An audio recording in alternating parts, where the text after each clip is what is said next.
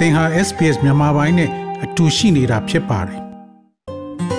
SBS မြန်မာပိုင်းကို အင်ကာနဲ့စနေနေ့ည10:00နာရီမှနားဆင်နိုင်တယ်လို့အွန်လိုင်းကနေလည်းအချိန်မီနားဆင်နိုင်ပါပြီ။။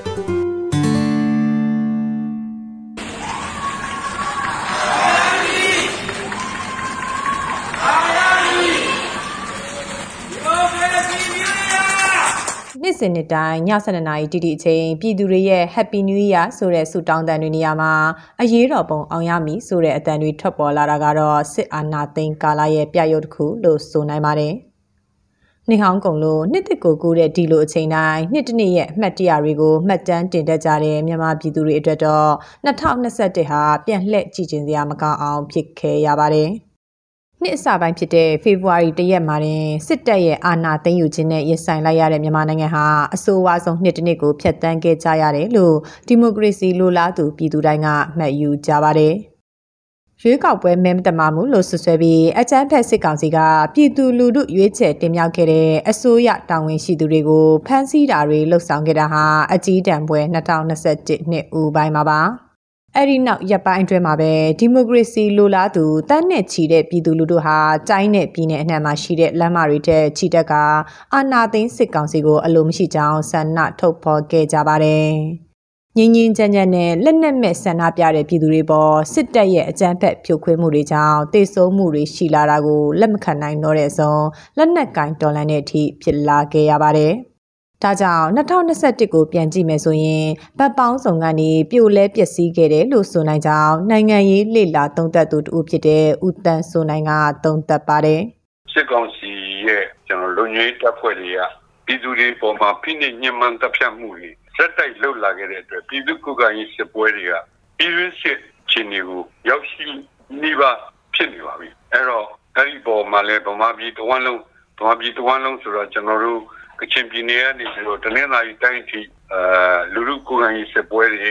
စကားစားရဲ့တိုက်ပွဲတွေအဲ့ဒါတွေကြောင့်ပြည်သူကောင်းခုဆိုလို့ရှိရင်နှစ်သိန်းခွဲကျော်လောက်စစ်ဆောင်ဒုက္ခတွေဖြစ်ပြည်လွာဒုက္ခရောက်နေတဲ့အနေအထားဖြစ်ပါတယ်အဲ့လိုချင်းဒီအောက်မှာတစ်ဖက်ကကျွန်တော်တို့လုပ်ငန်းတွေရပြောလို့ရှိရင်လည်းလူသမားတွေနဲ့တိတ်နဲ့ချီပြီးတော့လှုပ်လက်မဲ့ဖြစ်နေကြတယ်နော်။ကျောင်းတွေလည်းပိတ်သွားကြတယ် အဲ့ဒီထဲမှာပူဆိုးတာကတော့ကိုဗစ်တတိယလှိုင်းကိုကျော်လွှားနေရတဲ့အခြေအနေဖြစ်တဲ့အခါကျတော့ကျွန်တော်တို့တိုင်းပြည်ရဲ့အခုဖြိုဖျဲပြူလဲနေမှုဟာဘယ်ပေါင်းစုံလို့ပြောရမယ့်အနေအထားဖြစ်ပါတယ်စစ်ကောင်စီရဲ့အာဏာသိမ်းမှုကြောင့်တိုင်းပြည်ရဲ့နိုင်ငံရေးစီးပွားရေးတောက်တိုင်တွေတမကကျန်းမာရေးပညာရေးကဏ္ဍတွေပါထိခိုက်ကျဆင်းခဲ့ရပါတယ်။ စစ်တပ်အာဏာသိမ်းပြီးနောက်မှာတော့ဆရာဝန်တွေကျန်းမာရေးဝန်ထမ်းတွေတောင်းနေချီပြီးအကြမ်းမဖက်အာဏာဖီဆန်ရေးလှုပ်ရှားမှု CDM မှာပါဝင်ခဲ့ပါတယ်။ CDM မှာပါဝင်သူတွေကိုအကြမ်းဖက်စစ်ကောင်စီကလိုက်လံဖမ်းဆီးတာတရားစွဲထောင်ချတာတွေပြင်နှိပ်စက်တပ်ဖြတ်တာတွေလှုပ်ဆောင်ခဲ့တာကြောင့်နိုင်ငံရဲ့ကျန်းမာရေးရန်ရဟာ ပျက်စီးပြိုလဲခဲ့ရပါတယ်။ ဒါကြောင့်အာနာသိမ်းပြီးနောက်ပိုင်းကြုံတွေ့ရတဲ့ကိုဗစ်တတိယလှိုင်းမှာတော့စစ်ကောင်စီရဲ့ကင်တွယ်မှုညံ့ကျင်းတာကြောင့်ပထမလှိုင်းနဲ့ဒုတိယလှိုင်းမှာတည်ဆုံရတဲ့အရေးအတွက်တည်းနှစ်ဆလောက်မြင့်တက်ခဲ့တယ်လို့ပရိဟိတအဖွဲ့တွေရဲ့စီးရင်တွေအရသိရပါတယ်။အဲ့ဒီလိုကိန်းဂဏန်းတွေနဲ့အတူအဖက်ဖက်ကကြာဆင်းနေတဲ့ကျန်းမာရေးကဏ္ဍနဲ့ပတ်သက်ပြီး CDM ဆရာဝန်တူက 2021တနှစ်တာလုံးမှာဆိုရင်မြန်မာနိုင်ငံရဲ့ကျန်းမာရေးအခမ်းကဏ္ဍတော်တော်လေးကိုဆုပ်ယုပ်သွားတယ်လို့ပြောလို့ရပါတယ်2020နဲ့ရှင်လိုက်ရင်ကိုဗစ် crisis မှာကိုပဲအရန်ကိုတည်တာသွားတယ်မနှစ်ကကိုဗစ်မှာဆိုရင်အလုံးက systematic ကြကြနဲ့လူနာတွေဖိတ်စင်မရှိအောင်လုပ်နိုင်ပေမဲ့ဒီ2021ကိုဗစ်တပ်ဝဲမှာတော့ပြည်သူတွေတော်တော်ဒုက္ခရောက်ခဲ့ပါတယ်။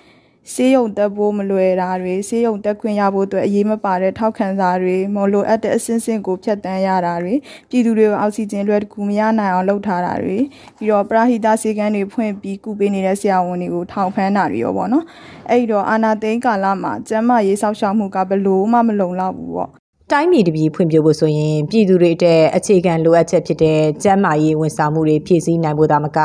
တစ်ဖက်မှာလည်းအခြေခံအုတ်မြစ်လို့ဆိုနိုင်တဲ့ပညာရေးကဏ္ဍအဆင့်မြင့်မှုဟာလည်းမရှိမဖြစ်လိုအပ်ပါတယ်။ဒါပေမဲ့မြန်မာနိုင်ငံမှာတော့ကိုဗစ်ပထမလိုင်းကလေးကရပ်တန့်ခဲ့ရတဲ့ပညာရေးရန်ရဟာအခုအာဏာသိမ်းကာလအထိစာအန်တန်တွေတိတ်စာသင်ကျောင်းတကားတွေပိတ်ထားရတာနှစ်နှစ်ကျော်ရှိလို့လာပါပြီ။ မြန်မာ Teachers Federation ရဲ့စီရင်အရစစ်အာဏာသိမ်းတာကိုစန့်ကျင်တဲ့အကြမ်းမဖက်လှုပ်ရှားမှု CDM မှာပါဝင်တဲ့ကျောင်းဆရာဆရာမတွေအပါအဝင်ပညာရေးဝန်ထမ်းတသိန်းကျော်နဲ့အတူကျောင်းသားလူငယ်တွေဟာလည်းစတင်ခန်းတဲ့အဝေးမှာသာရှိနေကြတာပါအမျိုးသားညီညွတ်ရေးအစိုးရအန်ယူဂျီကကျောင်းသားတွေရဲ့ပညာရေးမရက်တက်သွားအောင်ဂျားကာလာပညာရေး online class တွေပြုလုပ်ခဲ့ပေမဲ့ကလေးတိုင်းပညာသင်ကြားခွင့်ကတော့မဖြစ်နိုင်သေးပါဘူး။ ဒါကြောင့်ကျောင်းသားအလုံးပါဝင်နိုင်တဲ့ပညာသင်ကြားခွင့်ရဖို့ဆိုရင်တော်လှန်ရေးအောင်မို့နဲ့နယ်မြေငြိမ်းချမ်းမှုရှိဖို့လိုတယ်လို့ CDM အလဲတန်းပြဆရာတူဦးလည်းဖြစ်သူလက်ရှိအခြေခံပညာပညာရေးလှုပ်သားများတမကတိုက်ပွဲဥဆောင်ကော်မတီရဲ့အလုပ်မှုဆောင်တူဖြစ်သူဆရာဦးထင်လင်းထက်ကပြောပါတယ်ကျွန်တော်တို့လူရွာတွေမှာကြောက်ခဲ့မှုတယ်အဲ့ရွာတွေမှာဆိုရင်ဟိုကလေးတွေကိုကျွန်တော်တို့ပဲကင်းနေစပါးကင်းနေနေရတယ်ကျွန်တော်တို့ဟိုအလုပ်အလုပ်အလုပ်သမားကလေးတွေကနေလိုက်ပေါ်ပြီးစာတင်ကြောင်းကိုသင်ပေးခဲ့ရတာ လက်ရှိချင်းလေးကအဲ့ဒီကလေးတွေကသူတို့ဖွင့်တဲ့ကျောင်းတွေမှာလည်းသက္ကသကျောင်းကိုလည်းသူတို့တပိတ်ပေါက်ပြီးတော့သူတို့မတက်ကြဘူးဟိုဒီဒီဘက်ကဖွင့်ထားတဲ့ online teaching တွေကိုလည်းသူတို့တက်နိုင်ကြမရှိကြဘူးအဲ့မှာအဲ့မှာဓာတ်တွေလည်းနေရောပေါ့နော်သူအသက်အရွယ်မှာလည်းကြားတဲ့နဲ့ဒီပညာရက်တွေကိုမရဘဲနဲ့ဒီကလေးကဟိုကျောင်းမနေရဘဲနဲ့ပေါ့နော်အသက်အရွယ်ကြီးကြီးထွားပြီးတော့ကျွန်တော်တို့ရဲ့ပညာရေးတွေဟိုတော်တော်ကြီးလိမ့်တာသွားနိုင်နေပြ တိုင်းပြည်ရဲ့လိုအပ်ချက်ကဏ္ဍတွေရုပ်ရော့လာတာနဲ့တပြိုင်နက်စစ်ကောင်စီရဲ့ပြစ်မှတ်ထားဖိနှိပ်မှုကိုကနအူးခံခဲ့ရတဲ့တဲမှာဒီမိုကရေစီနိုင်ငံတစ်ခုရဲ့စရုပ်ထမှန်နိုင်လို့တင်စားလေးရှိတဲ့သတင်းမီဒီယာလည်းပါဝင်ပါတယ်။အကြမ်းဖက်စစ်ကောင်စီရဲ့အာဏာသိမ်းကာလလူခွင့်ရေးချိုးဖောက်မှုတွေကိုမဖော်ထုတ်နိုင်အောင်2021တနှစ်လုံးမှာသတင်းလွတ်လပ်ခွင့်ဟာပိတ်ပင်တားဆီးခံခဲ့ရပါတယ်။ မြန်မာနိုင်ငံအတွင်းမှာရှိတဲ့သတင်းတိုက်တွေကိုပိတ်သိမ်းတာ၈ခုထက်မနည်းရှိခဲ့ပြီးသတင်းသမားတွေကိုဖမ်းဆီးတပ်ဖြတ်တာတွေလည်းစစ်ကောင်စီကပြုလုပ်ခဲ့ပါတယ်။အခုလာတဲ့မှာပဲအတန်တိတ်ဆန္ဒပြပွဲတွေကဖမ်းဆီးခံခဲ့ရတဲ့သတင်းသမားတူစစ်ကြောရင်းမှာစစ်ကောင်စီတပ်ဖွဲ့ဝင်တွေရဲ့တပ်ဖြတ်ခြင်းကိုခံခဲ့ရကပြီးခဲ့တဲ့ရက်ပိုင်းမှာလည်း Federal News Channel ရဲ့ editor တူကရင်ပြည်နယ်လေးကိကောမြို့တဲ့အနီးစစ်ကောင်စီတပ်ရဲ့လက်နက်ကြီးပစ်ခတ်မှုကြောင့်ဒေဆုံးခဲ့ရပါသေးတယ်။ ကြအပြင်ဒီဇင်ဘာ23ရက်အထိဖမ်းဆီးခံထားရတဲ့သတင်းသမားအရေးအတွက်42ဦးအထိရှိနေပြီလို့လည်းမြန်မာ Press Freedom Interview ရဲ့စာရင်းတွေမှာဖော်ပြထားပါတယ်။တနစ်တာအတွင်းအဲ့ဒီလိုသတင်းသမားတွေအပေါ်ဖမ်းဆီးတပ်ဖြတ်တာတွေသတင်းမီဒီယာအပေါ်ဖိနှိပ်တာမျိုးတွေဟာအာဏာရှင်စနစ်ရှိနေသူတွေရှိနေအောင်မှာဖြစ်တယ်လို့မြန်မာအမျိုးသမီးသတင်းသမားများအဖွဲ့အဖွဲ့ဝင်တူကတော့ဆိုပါတယ်။ အာဏာသိမ်းပြီးနောက်ပိုင်းအာဏာရှင်ရှိတဲ့အချိန်မှာတော့ကျမတို့ကမီဒီယာလွတ်လပ်ခွင့်ဆိုတာဘလို့မှမမြင်နိုင်အောင်မှောင်မှောင်နေတဲ့မှောင်မဲနေတဲ့အနာဂတ်ပဲဖြစ်လိမ့်မယ်အဲအဲ့တော့နံပါတ်1ကငါတို့လွတ်လပ်လုပ်ဖို့အတွက်လက်တီချီတွေမတုံ့နှောင်ထားမိဖို့လိုတယ်အဲ့တော့အပြင်ထွက်လုံးမလားเนาะကိုကတော့လွတ်လပ်လုပ်တာပဲလीเนาะဒါပေမဲ့နိုင်ငံရဲ့နိုင်ငံရဲ့ media freedom လို့ပြောရင်အဲ့ဒါတော့နိုင်ငံရဲ့ media freedom မဟုတ်ဘူးအဲ့တော့ကျွန်တော်တို့က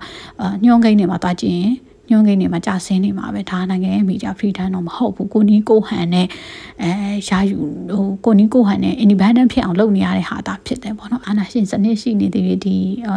ချုံနှောင်မှုတွေเนาะဒီလိုမီဒီယာဖိနှိပ်မှုတွေဆက်ပြီးရှိနေမှာဖြစ်တယ်အဲ့တော့အာဏာရှင်စနစ်တွန်းလှန်နိုင်တဲ့ဒီနေ့ဒီမိုကရေစီပြန်ရတဲ့ဒီနေ့မှာကျမတို့မီဒီယာ freedom ကလည်းအတိုင်းအတာတစ်ခုထိတော့ပြန်ရှိလာလိမ့်မယ်လို့ကျမမျှော်လင့်တယ်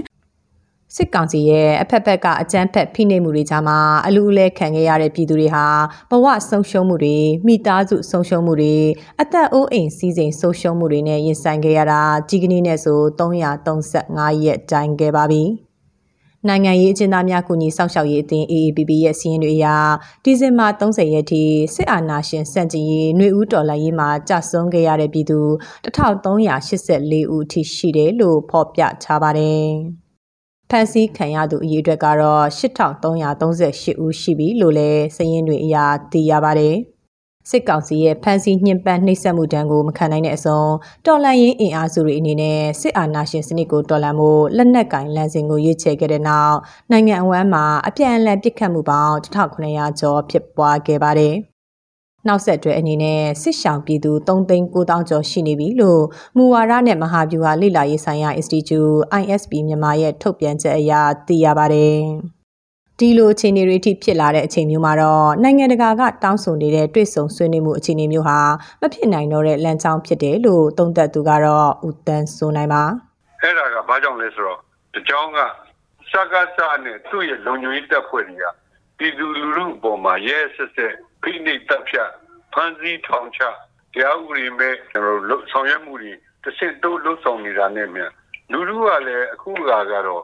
ဒီဒုက္ခတွေကြောင့်လူလူကနာကျင်တာမဟုတ်တော့နာကြီးနေအဲ့တော့နာကြီးမှုနဲ့လူလူကလည်းနောက်ဆုံးပြည့်တဲ့ဂျန်တဲ့အထိ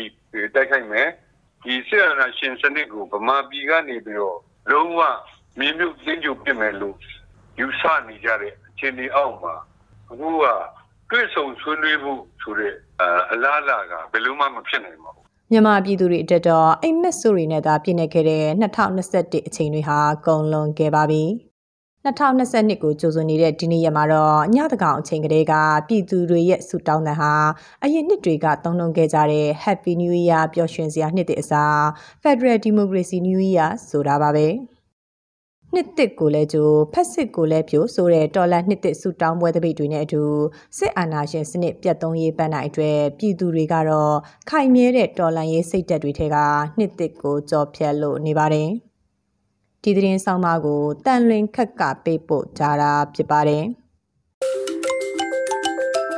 SBS မြန်မာပိုင်းကိုနားဆင်ရတာနှစ်သက်ပါတလား Facebook မှာဆွေးနွေးမှုတွေကိုဆက်ကြရအောင်ပါ SBS မြန်မာပိုင်း Facebook ကို like လုပ်ပြီးတော့သင်ချင်တဲ့ချက်ကိုမျှဝေနိုင်ပါတယ် SBS Bemis ကို Facebook မှာ share ကြည့်နိုင်ပါတယ်ရှင်